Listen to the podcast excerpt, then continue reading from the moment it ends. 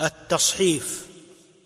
والعسكري والدار قطني صنفا فيما له بعض الرواة صحفا.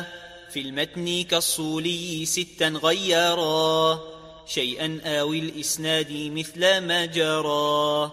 للطبر في عتبة بن الندار بالباء والذال غاد ابن البذار. وأطلقوا التصحيف فيما ظهرا كاحتاج من بما كان احتجرا. وواصل بعاصم والأحتاب بأحوال تصحيف سمع لقبوا وصحف المعنى إمام عنزة ظن القابيل بحديث العنزة.